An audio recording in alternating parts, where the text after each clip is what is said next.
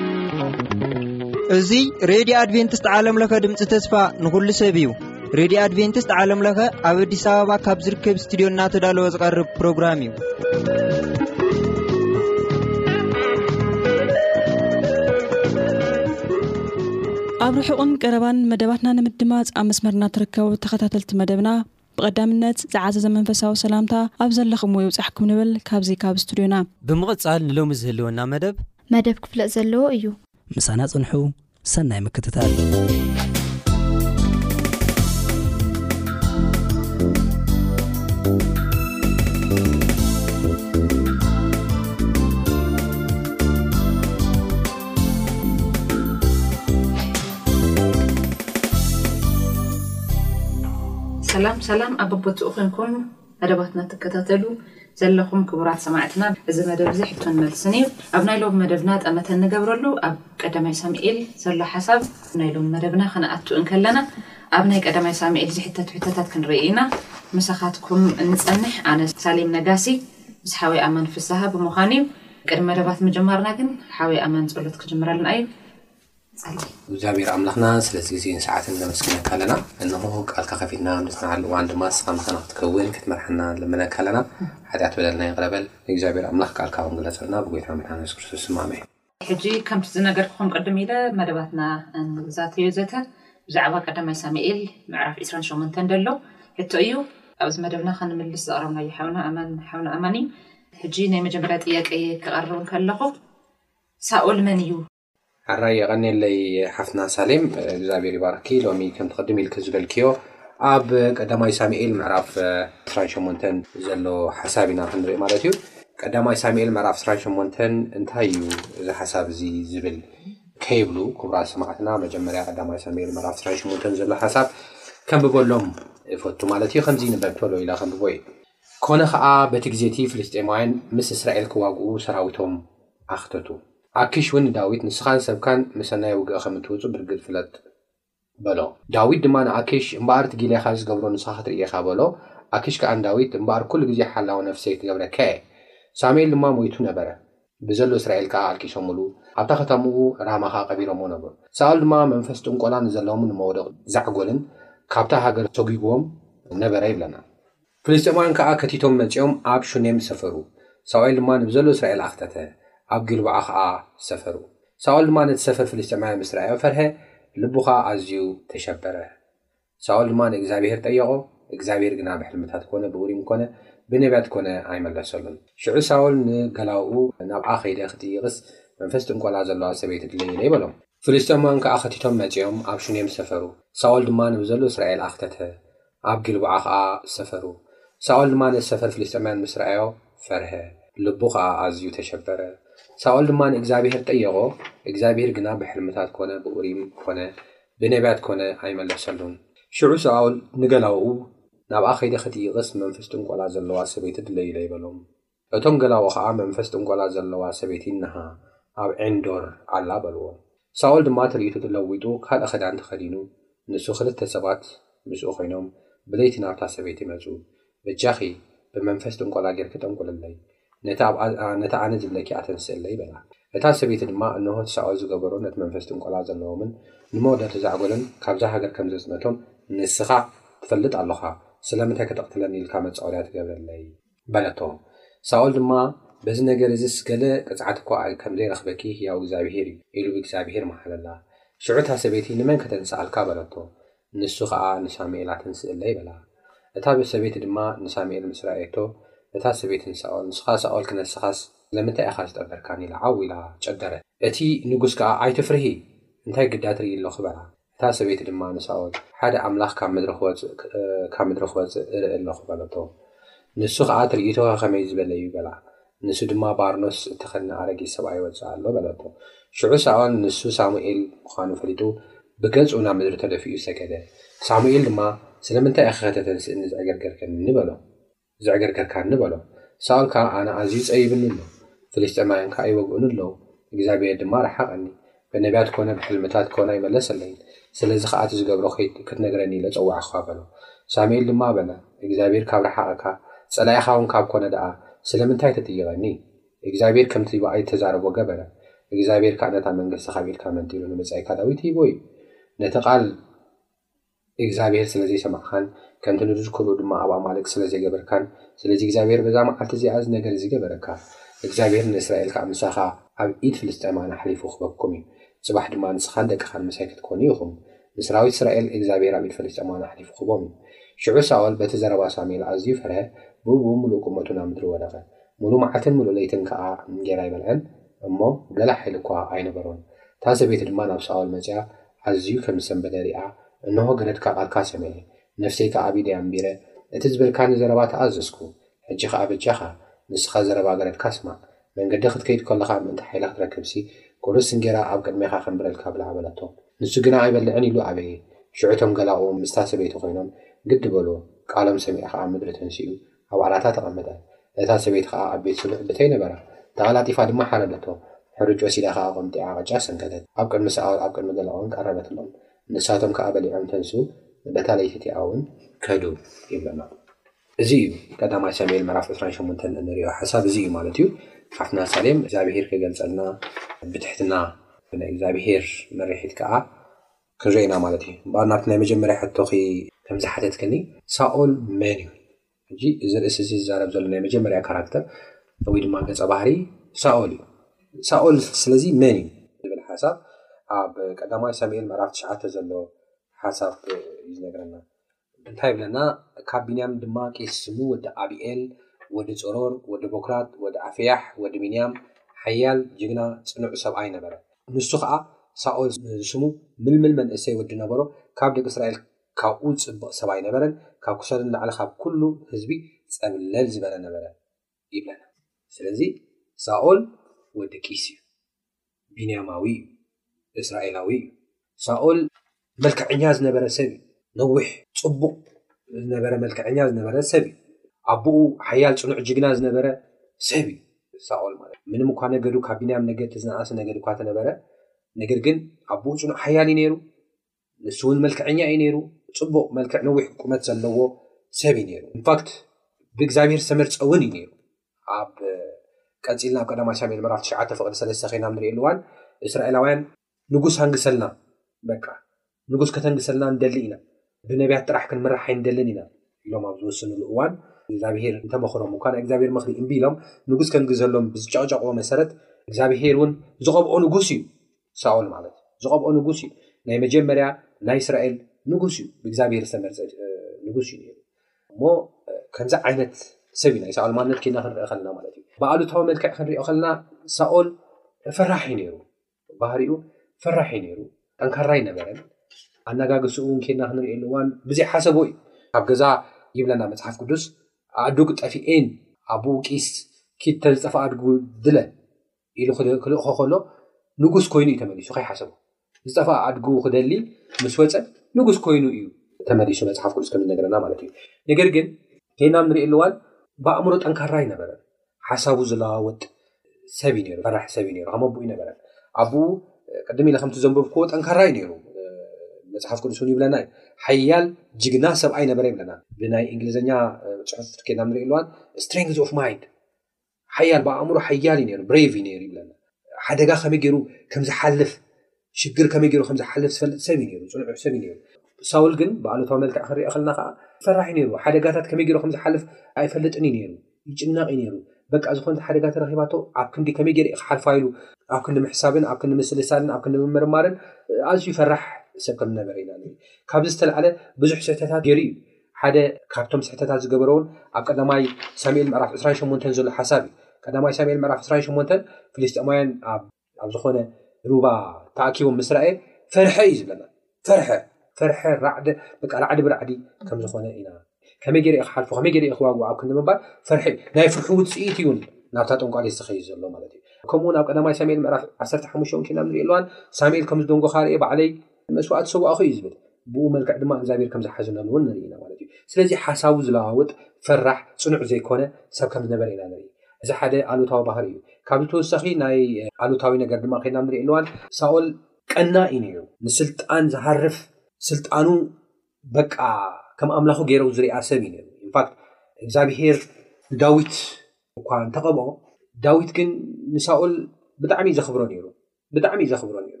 ብጣዕሚ የኽብሮ ነይሩ ክፉእ መንፈስ ክሕዞ ከሎ እናዘመረ ክፉእ መንፈስ ክርሕቆ ይደሊ ነይሩ ጋሻ ዛግሪ እዩ ነይሩ እቲ ናቱ ጦር መሳርያታት ብምልኡ ይሕዘሉ እዩ ነይሩ ተቐበአ ኮይኑ ብእግዚኣብሔር ተቐቢኡ ከሎ ከሎ ስኻ ኢኻ ንጉስ እናተባህለ ንባዕሉ ከምዚ ኢሉ እናተንካባኸቦ ንሳኦል ኣብ እግዚኣብሔር ዝተቐብአ ምንም ክገብር ኣይደልን እየ ክዛረብ ኣይደልን ክቐትሎ ይደልን እየ እናበለ ሳኦል ግን ብቕንኣት ብፍርሒ ብስግኣት እዛ ናተይ ንግስና ናብ ደቀይ ናብ በዓል ዮናታን ክትተርፍ እያ ግዲ ናብ ካልእ ናብ ደቂ እሴይ ክትኣቱ እያ እዛ ናይ ንግስና ካብ ዝብል ፍርሓትን ስግኣትን ንዳዊት ከሳጉጎ ከሎ ኢና ንርኢ ንዳዊት ከሳጉጎ ከሎ ኢና ንርኢ ካብ ዝገርም ኣብ ቀዳማይ ሳሙኤል ምዕራፍ 28 ንሪኦ ሓሳብ ዳዊት ኣብዛ ምዕራፍ እዚኣ ምስ ፍልስጤማውያን እዩ ነይሩ ምስ ኣክሽ እዩ ነይሩ ኣክሽ ናይ ፍልስጤም ንጉስ እዩ ምስ ፍልስጤማውያን ኮይኑ ይዋጋእ እዩ ነይሩ ዳዊት ኣብዚ ግዜ እዚ ኢንፋክት ኣይተዋግአን ግን ምስ ፍልስጤማውያን እዩ ነይሩ ክዕቁ ማለት እዩ ምክንያቱ ሳኦል ስለ ዘሳደዶ ሳኦል ስለ ዘባሮ ምንም ዘይገበረሉ ማለት እዩ ብስግኣት ጥራሕ እዛ ንግስና እዚኣ ናተይ ናባኻ ኣይትሓልፍን እያ፣ ዮናታን ደቀይ ናባኹም ኣይትሓልፍን እያ፣ ስለዚ ንዳዊት ተሓባበሩኒ ክቐትሎ እናበለ ንዅሉ ህዝቢ ኣተሓባቢሩ ይሃድኖ እዩ ነይሩ። ንዳዊት ዳዊት ፈሪሑ እዩ ናብ ናይ ፍልስጤማውያን ኣትዩ። ናብ ናይ ፍልስጤማውያን ክኣቶ ከሎ ኣኪሽ ንጉስ ፍልስጤም ተቐቢልዎ፣ ጽቡቕ ድማ ገይሩሉ። ፍልስጤም ድማ ምስ እስራኤላውያን ክዋጋእ ምስ ወጸ ምስ ኣኪሽ ኮይኑ ምስ ፍልስጤማውያን ኮይኑ ናብ እስራኤል ከም ዝመፀ ኢና ንርኢ ብርግፅ ኣይተዋግአን ኣብቲ ኣይቀተለን ናይ እስራኤላውያን ወገን ስለዚ እዚ ኩሉ ስራሕ ናይ መን እዩ እንተ ኢልና ኢንፋክት እግዚኣብሄር እውን ንሳኦል ምንም ዘይመለሰሉ በዚ ነገር እዚ ክፉእ ግብሪ እዩ ገይሩ ሕማቕ ግብሪ እዩ ገይሩ ቅንኣት ነይርዎ ስግኣት ነይሩ ናይ ስልጣን ህርፋን ነይርዎ እዛ ስልጣነይ እዚኣ ካባይን ካብ ቤተሰበይን ክትወፅእ የብላን ንወደይ ዮናታን ክትከውን ኣለዋ ኢንፋክት ምስ ዮናታን ጭቕጭቕ እዮም ነይሩ ምክንያቱ ዮናታን ዳዊት ይፈትዎ እዩ ነይሩ ዮናታን ወዲ ሳኦል ንዳዊት ብጣዕሚ እዩ ዝፈትዎ ነይሩ ንምንታይ ኢኻ ተሳድዶ ኢሉ ኩሉ ግዜ ንሳኦል ይዛረቦ ነይሩ ግን ሳኦል ሓሪቑ ብዙሕ ግዜ ተናዱ ተዛሪቡ እዩ ንዮናታን ንስኻ ኣይትሓስብን ኢኻ እናበለ ማለት እዩ ካበይ ዝተላዕለ እዩ እንተደኣ ኢልና ናይ ስልጣን ህርፋን ነይርዎ እዛ ስልጣን እዚኣ ካብኡ ሓሊፋ ንደቁ ክትከውን ዝምነ ሰብ እዩ ነይሩ ናይ ስልጣን ሰብ እዩ ነይሩ ፅምኣት ዘለዎ ሰብ እዩ ነይሩ ምድራዊ ሓሳብ ዘለዎ ምድራዊ ጥቕሚ ዘታሎ ሰብ እውን እዩ ነይሩ ማለት እዩ ናይ ኣቦኡ ማነት ዝሓዘ ስለዚ ሳኦል ከምዚ ዓይነት ማነት ነይሩ ሳኦል መን እዩ ዝብል ሕቶ እዚ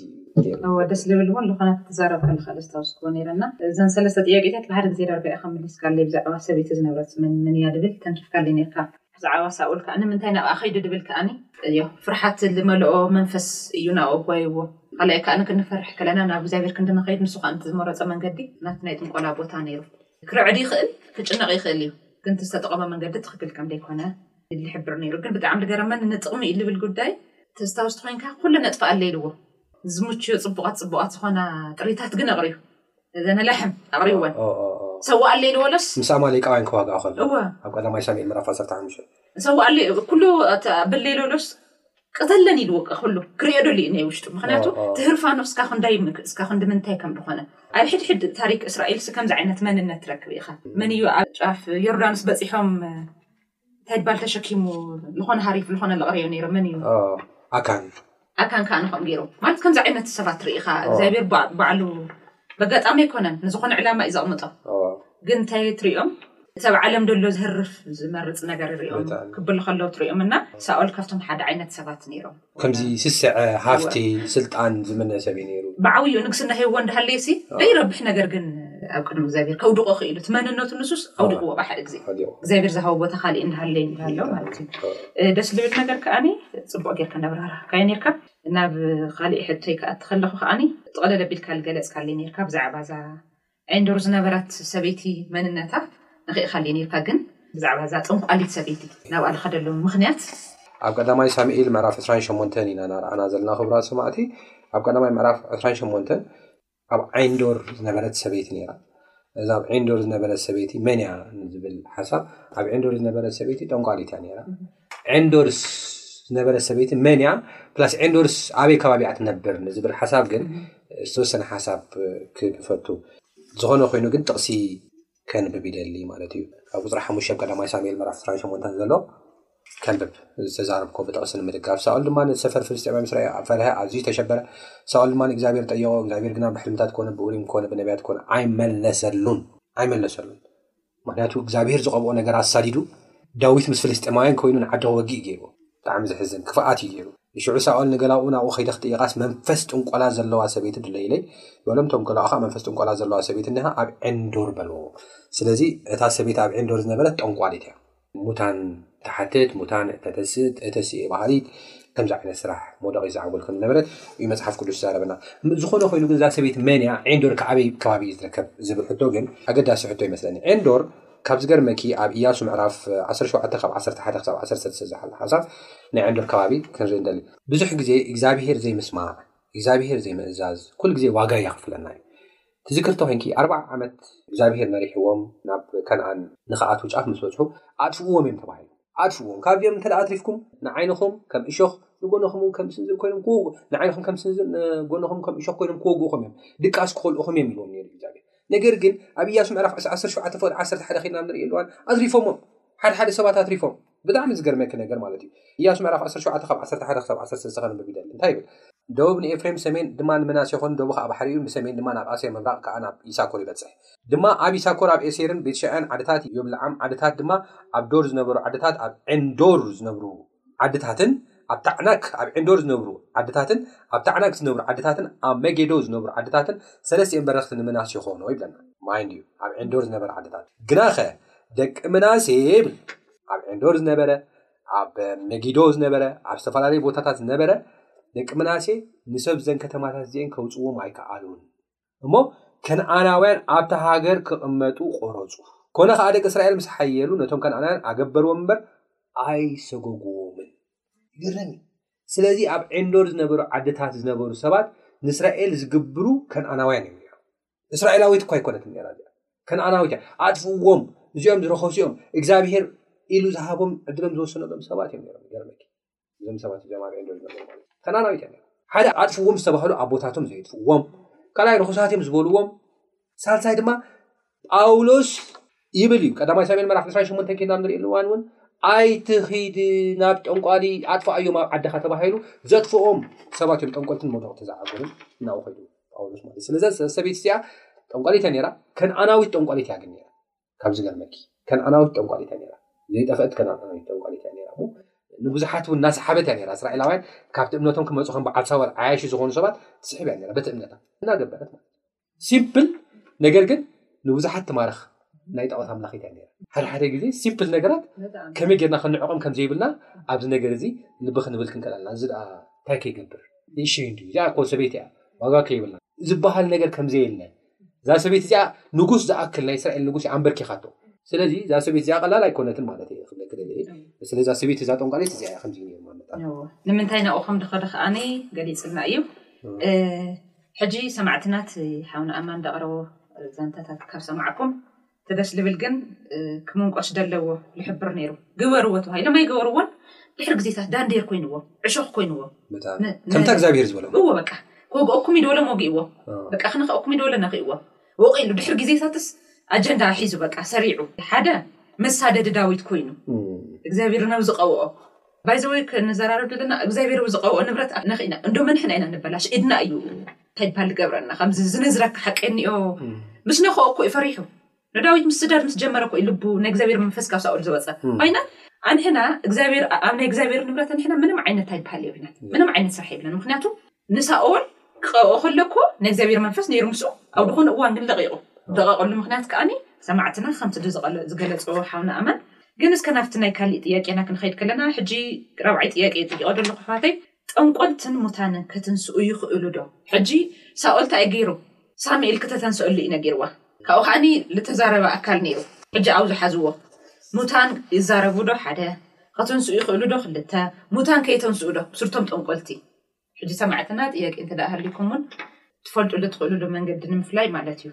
ንሕጽር ኣቢሉ ሓውና ኣማን ከቕርበልና እዩ። ሕጂ ብዛዕባ እዚ ጠንቆልትን ሙታንን ክትንስኡ ይኽእሉ እዮም ድብል ሓሳብ ሕጽር ኣቢሉ ሓውና ኣማን ከቕርበልና እዩ ናይ መወዳእታ ጥያቄና ክኸውን እዩ። ኣራይ እግዛብሄር ይባርኽኪ ሓፍትና ሳሌም ምናልባት እዛ ሕቶ እዚኣ ኣብ ዝቕጽል ውን ክንደግማ ንኽእል ኢና ግን ኣብዚ ሓሳብ እዚ ከም መጠቓለሊ ክሪኦ ዝደሊ ክንነግሮ ወይ ድማ ክነመሓላልፎ ዝደሊ ሓደ ሓሳብ ኣሎ ብመጀመርያ ግን ካብቲ ሳሌም ዝሓተትክኒ ሕቶ ክለዓል ጠንቆልትን ምውዳቕቲ ዛዓጎልን ሙታን ከተስኡ ኣይክእሉን እዮም እዚ ብሓጺር መልሲ ሙታን ከተስእ ዝኽእል ክርስቶስን ክርስቶስን ጥራሕ እዩ። እዛ ሰበይቲ እዚኣ ኣተስእለይ ኢሉ እዩ ከይዱ ክተተስኣሉ እዩ ከይዱ ኣተስእለይ ከተተስእለይ ሳሙኤል ከተተስእለይ ሳሙኤል ክትስሕብለይ እዩ ሙታን ከተስእ ዝኽእል ግን እግዚኣብሔር ጥራሕ እዩ እዛ ጠንቋሊት ኣይኮነን ሽማ ዘይተጠቕሰ ኢንሲግኒፊካንት ዝኾነት ሰብ ኣይኮነትን ከተተንስእ ትኽእል እግዚኣብሔር ባዕሉ እዩ ከተስእ ዝኽእል እቲ ሓሳብ ማለት እዩ እሞ እዚ ግን ከም መጠቓለሊ ክቡራት ሰማዕትና ኣብ ናይ ሎሚ እንሪኦ ዝረኣናዮ ሓሳብ ከም መጠቓለሊ ክንሪኦ ዝደሊ ነገር ተሃለወ ግን እቲ ቀዳማይ ሓንሳብ ተሃለወ እንታይ ቀዳማይ ኢንሲግኒፊካንት ንብሎ ንእሽተይ እዩ ንብሎ በነገራችን ላይ መፅሓፍ ቅዱስ ሽም እንተ ተጠቂሱ እዚ ሰብ እዚ ኢንሲግኒፊካንት እዩ ምንም ገብር ኣይክእልን እዩ ብዝብል ትርጉም እዩ ዘለዎ ኣብ ናይ ቴዎሎጂካል እንታይ ሽም ማለት እዩ ኢንሲግኒፊካንት ኢና ንብሎ ኣይረብሕን ኢና ንብሎ ግን ከም በርክኽ ከሎ ኢና ንሪኦ ማለት እዩ ስለዚ ክንዕቆ ከም ዘይብልና እዩ ዝነገርና ቀዳማይ ትምህርትና እዚ ካልኣይ ትምህርትና ብእግዚኣብሄር ክንእመን ከም ዘለና እዩ እወ ሳኦል ብሕልምታት ኣይመለሰሉን እግዚኣብሄር ብነብያት ኣይመለሰሉን ብዝተፈላለዩ ካህናት ብኡሪም ብትሚም ብኤፉድ ኣይመለሰሉን ግን ስለዘይመለሰል ካ እግዚኣብሄር ስቂ ስለ ዝበለ ናብ ጠንቆል ትኺት ማለት ኣይኮነን እግዚኣብሄር ናፅደቐልካ ኣይኮነን ዘሎ እቲ ስቕታ ንባዕሉ ርእስኻ ንኽትምርምር ርእስኻ ንኽትርኢ መንገዲ ክኸፍተልካ ኣለዎ እምበር እግዚኣብሔር ናብቲ ዘይፈቕዶ እግዚኣብሔር ናብቲ ዝፍንፍኖ ነገራት ኪድ ማለት ኣይኮነን እግዚኣብሔር ስቕሉ ዝብለሉ ዘመናት ኣሉ እዚ ማለት ግን ናብ ጠንቆ ትኺድ ማለት ኣዩ ናብ እግዚኣብሔር ክንምለስ ስቕታ ንባዕሉ መልሲ ከምዝኾነ ተረዲና ርእስና ክንምርምር ንስሓ ክንኣቱ እዩ ከበራታትዓና ዘለዎ ናይ እግዚኣብሄር ስቕታ እምበር እዚኣ ናይ መጨረሻ ጥቕሰይ ከንብብ ዝደሊ ኣብ ዘዳግም ምዕራፍ 18 ንኣብ ዝቕጽል እውን ከነብባ ንኽእል ኢና እዛ ጥቕሲ እዚኣ ደጋጊምና ኣብ ዘዳግም ምዕራፍ 18 ፍቕዲ ትሽዓተ ከምዚ ንበል ናብታ እግዚኣብሄር ኣምላካ ዝህበካ ምድሪ ምስ ኣቶኻ ከም ጽያፍቶም ህዝብታት እቲኦም ከይትገብር ኣይትመሃር ምስ በለ ወዱ ወይ ጓሉ ብሓዊ ዝሕልፍ ወይ መውደቂ ዛጎል ወይ ብደመናን ብተመንን ዝፈልጥ ወይ ኣስማተኛ ወይ ተራጋሚ መናፍስቲ ዝጥይቕ ወይ ጠንቋሊ ወይ ንሙታ ዝጥይቕ ኣባኻ ኣይረኸብ እዚ ነገር እዚ ዝገብር ኩሉ ኣብ እግዚኣብሔር ፉንፉን እዩ እዩ ዝብሎ ፉንፉን እዩ ሙታ ዝፅይቕ ኣብ እግዚኣብሔር ፉንፉን እዩ ብሰሪ ዝፅያፍ እዚ ድማ እግዚኣብሔር ኣምላካ ኣብ ቅድሜኻ እዩ ዝሰጎም ዘሎኖ ዞም ህዝብታት እዚኦም ስለዚ ኣብ ቅድሚ እግዚኣብሔር ኣምላካ ሙሉእኩን ይብለና እግዚኣብሔር ኣይመለሰልካን ርእስኻ መርምር ንስሓ ኣቶ ናብ እግዚኣብሔር ተመለስ እግዚኣብሔር ተፀበዮ እግዚኣብሔር ኣይድንጉን እዩ ዝብል ትምህርቲ ኢና ክንምሃር ንኽእል እሞ ከም ሳኦል ንሰግእ ንፈርሕ ዘይኮነ ሲ ናይ እምነት ፅኑዓት ሓያላት ሰባት ክንከውን እግዚኣብሔር ፀጉኡ የብዝሓልና ኣሜን ሓውና ኣማን ተባረኽ ንዝነበረና ፃንሒት ብዛዕባ ናይ ሳኦል መንነት ናይታ ጠንቋሊት ዛንታ ሳኦል ንምንታይ ናብኡ ከም ደኸደ ጠንቆልትን ሙታንን ከተንስኡ ንሙታን ከተንስኡ ይኽእልዶ ልብል ከም ሓደ ሓሳብ ኣልዒልና እንዳተዛተና ኔርና ሰማዕቲ መደባትና ንዝነበረኩም ብትሕትና ንዝተኸታተልኩምና የሕዋት ወገናት ኣምላኽ ሰናይ ሰናይ ዝኾነ በረከቱ የብዝሓልኩም ብቐጻሊ ንዝመጽእ ሰዓት እስካ ንራኸብ ጸጋ ኣምላኽ ምስ ኩላትና ይኹን መደባትና ኣውዛዚምና ኣለና ንጸሊ። ነመስግነካ ጥዑም ዝኾነ ናኣና ንዝኸውን ንግዚኡ ዝኸውን ትምህርቲ ስለ ልሃብካና ካብ ብሕጂ ንዘላኣለም ካኣኒ ካብ ናይ ካሊኣ ኣምላኽ ደይኮነስ ናባኻ ክንመጽ እስኻ ሓግዘና ንሰማዕትና ካኣ ንዝኸውን ኩሉ እስኻ ክትህበና ክትባርኸና ንምሕጸነካ ዕጭቅሊና ብሓደ ወድኻ ብኢየሱስ ስም ኣሜን። ኣሜን።